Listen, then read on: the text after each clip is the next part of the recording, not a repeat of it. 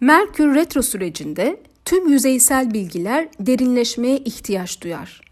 Daha fazla sessizliğe, düşünmek için daha fazla zamana ihtiyaç duyacağımız, daha fazla odaklanacağımız, inceleyip araştırmak durumunda kalacağımız ve belki de gerçek bilgiyi elde etmek üzere daha fazla yavaşlayacağımız bir süreç yaşayacağız. Bilimsel düşünce alanında çığır açmış çoğu kişinin natal haritasında Merkür'ün retro olduğunu düşündüğümüzde bu zamanın nasıl bir kavrayışa gebe olduğunu anlamak sanırım yeterli olacaktır.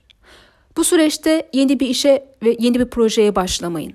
Daha önce uğraştığınız konuları yeniden elden geçirebilirsiniz. Kendinizi doğru ifade ettiğinizden emin olun ve yanlış anlaşılmaların bu süreçte harekete geçebileceğini bilin. Eski tanıdıklar, eski arkadaşlarla görüşmeler sizi eski anılara, eski düşüncelere sürükleyebilir. Yeniden değerlendirmelerin tadını çıkarın.